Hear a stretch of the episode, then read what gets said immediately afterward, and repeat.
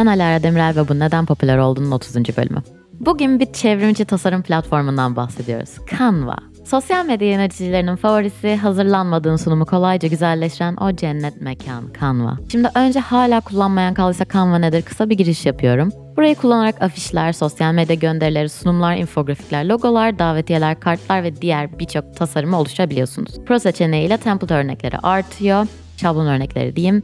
Çeşitli sanatçıların çeşitli illüstratif işlerinden tutun kendi kendine fotoğraf kütüphanesinden bile yararlanabiliyorsunuz ve hayır reklam almadık. Yani aslında Canva reklamı yapmak için onlardan para almak güzel olurdu. Belki bir gün alırım ama şimdilik sadık bir Canva Pro kullanıcısı olarak konuşacağım. 2016'dan beri oradayım. Gerçi o zaman Pro olmadan da kullanıyor olabilirim.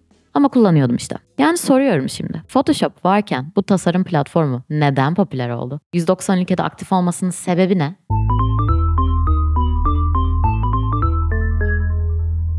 Canva'nın hayatıma ne ara bu kadar aktif şekilde girdiğini hatırlayamıyorum. Ama tasarımcı iddiası olmayan bir dijital içerik üreticisi için şahane bir andı. 2014'te Tumblr'daki kolajlardan yapamamak bana çok koyuyordu ve bir türlü görselleri dekupeleştirmeyi beceremiyordum. Fanfiction yazdık, üstüne bölüm çektik, video falan filan editledik ama o olmadı. O yüzden görsellerimi hep kadim dostlarım editledi ve ben büyü yaptıklarını falan sandım. Şimdi o yüzden buradan ilk cevabımıza geliyorum. Canva'nın popülerliğini anlamak için platformun ne sunduğunu incelemek gerekiyor. Canva kullanıcıların görsel tasarım projeleri oluşturmalarına yardımcı olan bir araç yani en nihayetinde. Ama bunu yapan başka şeyler de var. Başka yerler de var.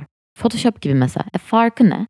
Şimdi birçok farklı tasarımı kolayca yapabilmek, istediğin boyutları kendin girmeden bulabilmek günümüzün kapitalist beklentileri arasında ilaç gibi. Sosyal medya yöneticilerinin tasarımcı olduğu varsayıldığı bir dünyada telefonundan hızlıca bunlara ulaşabilmek nimet. Canva'nın kullanıcı dostu arayüzü ve geniş seçenekleri reklamcı gibi girdim konuşmaya. Olsun tasarımların hızlı bir şekilde oluşturabilmesini sağlıyor. Bunu öveceğim ama burada fast food güzellemesi yapıyor gibi algılanmaktan hoşlanmıyorum. O nedenle detaylara giriyorum. Bazı insanların vakti yok. Bazı insanların bazı işleri için komplike araçlar kullanmasına gerek yok ve Canva sana yardımcı oluyor. Hayatını kolaylaştırıyor. Ekleyebildiğin fontlar, örnek şablon, şablon, örnek şablonlardan değiştirerek planlar çıkarmak çok keyifli. Hele de ADHD beyne mensupsanız Bahi'yi görebiliyor musunuz?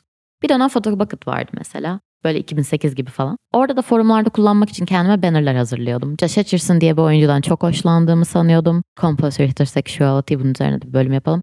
Üzerine Comic Sans bozması bir yazı tipiyle böyle görseller kullanmama alan sağlıyordu orası da. Yani herkesin Photoshop gibi uygulamaları kullanmaya alanı, zamanı veya isteği olmayabilir. Özgürce görsel üretmek için arayüzü sakin yerlere ihtiyacımız var. Girişimciler, küçük işletme sahipleri ve sosyal medya influencerlarını düşünelim. Canva sayesinde bayağı bütçe dostu profesyonel görünüm ve tasarımlar yapabiliyorlar. Geniş kitleye ulaşabilmenin yolu görsellerden geçince araç basitleştikçe ihtiyaç karşılanıyor yani. Yani kimse zaten Canva kullanınca ben tasarımcıyım demiyor Photoshop Bros. Tasarımları uygulayabiliyorum modunda hayatı idame ettiriyoruz. Bir de şeye baktım. Uygulamanın %55'inin kadın olduğu beyanı var infografik sitelerde.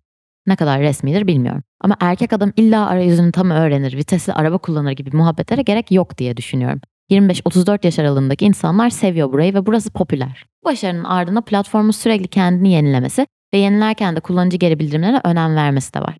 Yani yatırım tavsiyesidir. Ama sorumluluk kabul etmiyorum. Canva kullanıcılarından gelen talepleri dikkate alarak yeni özellikler ekliyor ve arayüzünü geliştirerek sürekli olarak platformunu güncelliyor. Instagram gibi durup dururken storyleri kocaman yuvarlaklara dönüştürmüyor mesela. Açık iletişim kuruyor Canva. Sizi dinledik şu özelliği getirdik diyor. Huzur doluyorum ben orada. İhtiyacımı duyuyor, karşılık veriyor, hayatımı kolaylaştırıyor. Ben inanılmaz sadığım, karşılıklı sevgi ve saygımız olduğu belli. Sanırım Canva ile evlenmem lazım yani. Ve tekrarlıyorum. Canva şablon benzerliklerini ve sınırlı özelleştirme seçeneklerini düşününce oldukça da eleştirilebilir bir yer. Belki de özellikle tasarımcıların gözünden. Ama neden popüler olduğu da çok açık. Tek tipleşmenin popüler olduğu yerde bu eleştirilerin yanında bazı kullanıcı veya üreticiler için popüler olması çok doğal. Bunu neden yermeye bu kadar meraklıyız ki diye düşünüyorum. Neyse. Canva 2012'de bir üniversite projesi olarak ortaya çıkmış. Öğrencilere daha kolay bir tasarım deneyimi sunmakmış amaç. Sonra 2020 yılında 6 milyar doları aşmış değeri ve beklenmeyen bir yükseliş yaşanmış. Bu Canva'yı Avustralya'nın en değerli özel teknoloji şirketi haline getirmiş. Popülerleşmiş böyle böyle, hak etmiş ve zirveye taşınmış. Canva popüler oldu çünkü ihtiyaçları karşılamakta oldukça kullanıcı dostu bir ilerleyişe sahip. Sürekli yeni özellikler geliyor ve sahayı iyi incelediklerini düşünüyorum. Açık iletişim kuruyorlar. Dijital dünyamızda yani sosyal medya ve diğer çevrimiçi platformlarda görsel içeriklerin önemi bayağı büyük.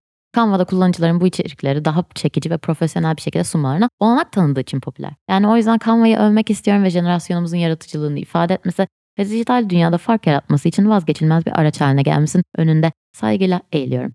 Canva'nın öğretmen ve öğrenci dosya yapısına, küçük işletmeleri dolaylı ve dolaysız yoldan desteklemesine devam etmesini diliyorum. Canva insanlar için insanlar tarafından yapısıyla devam ederse ve devam ettiği için popüler. Ve popülerleşmeye de devam ediyor bence. İlla her şeyin metalaşması gerekmiyor. Evet şirket olandan bahsediyorum. Ben her şeyimi Canva'dan yapıyorum. Yayınların kapak tasarımları dahil. Neden popüler olduğununkinden bahsetmiyorum. Onları Studio Dizdays yapıyor. İnsanı destekleyen her şey popüler olmayı hak etmiyor mu acaba diye bir soruya ulaştım. Ama bu cümle nerelere çekilebilir bilmiyorum. O yüzden bunu biraz irdeleyeceğim ama o esnada Canva'yı övmeye devam edeceğim.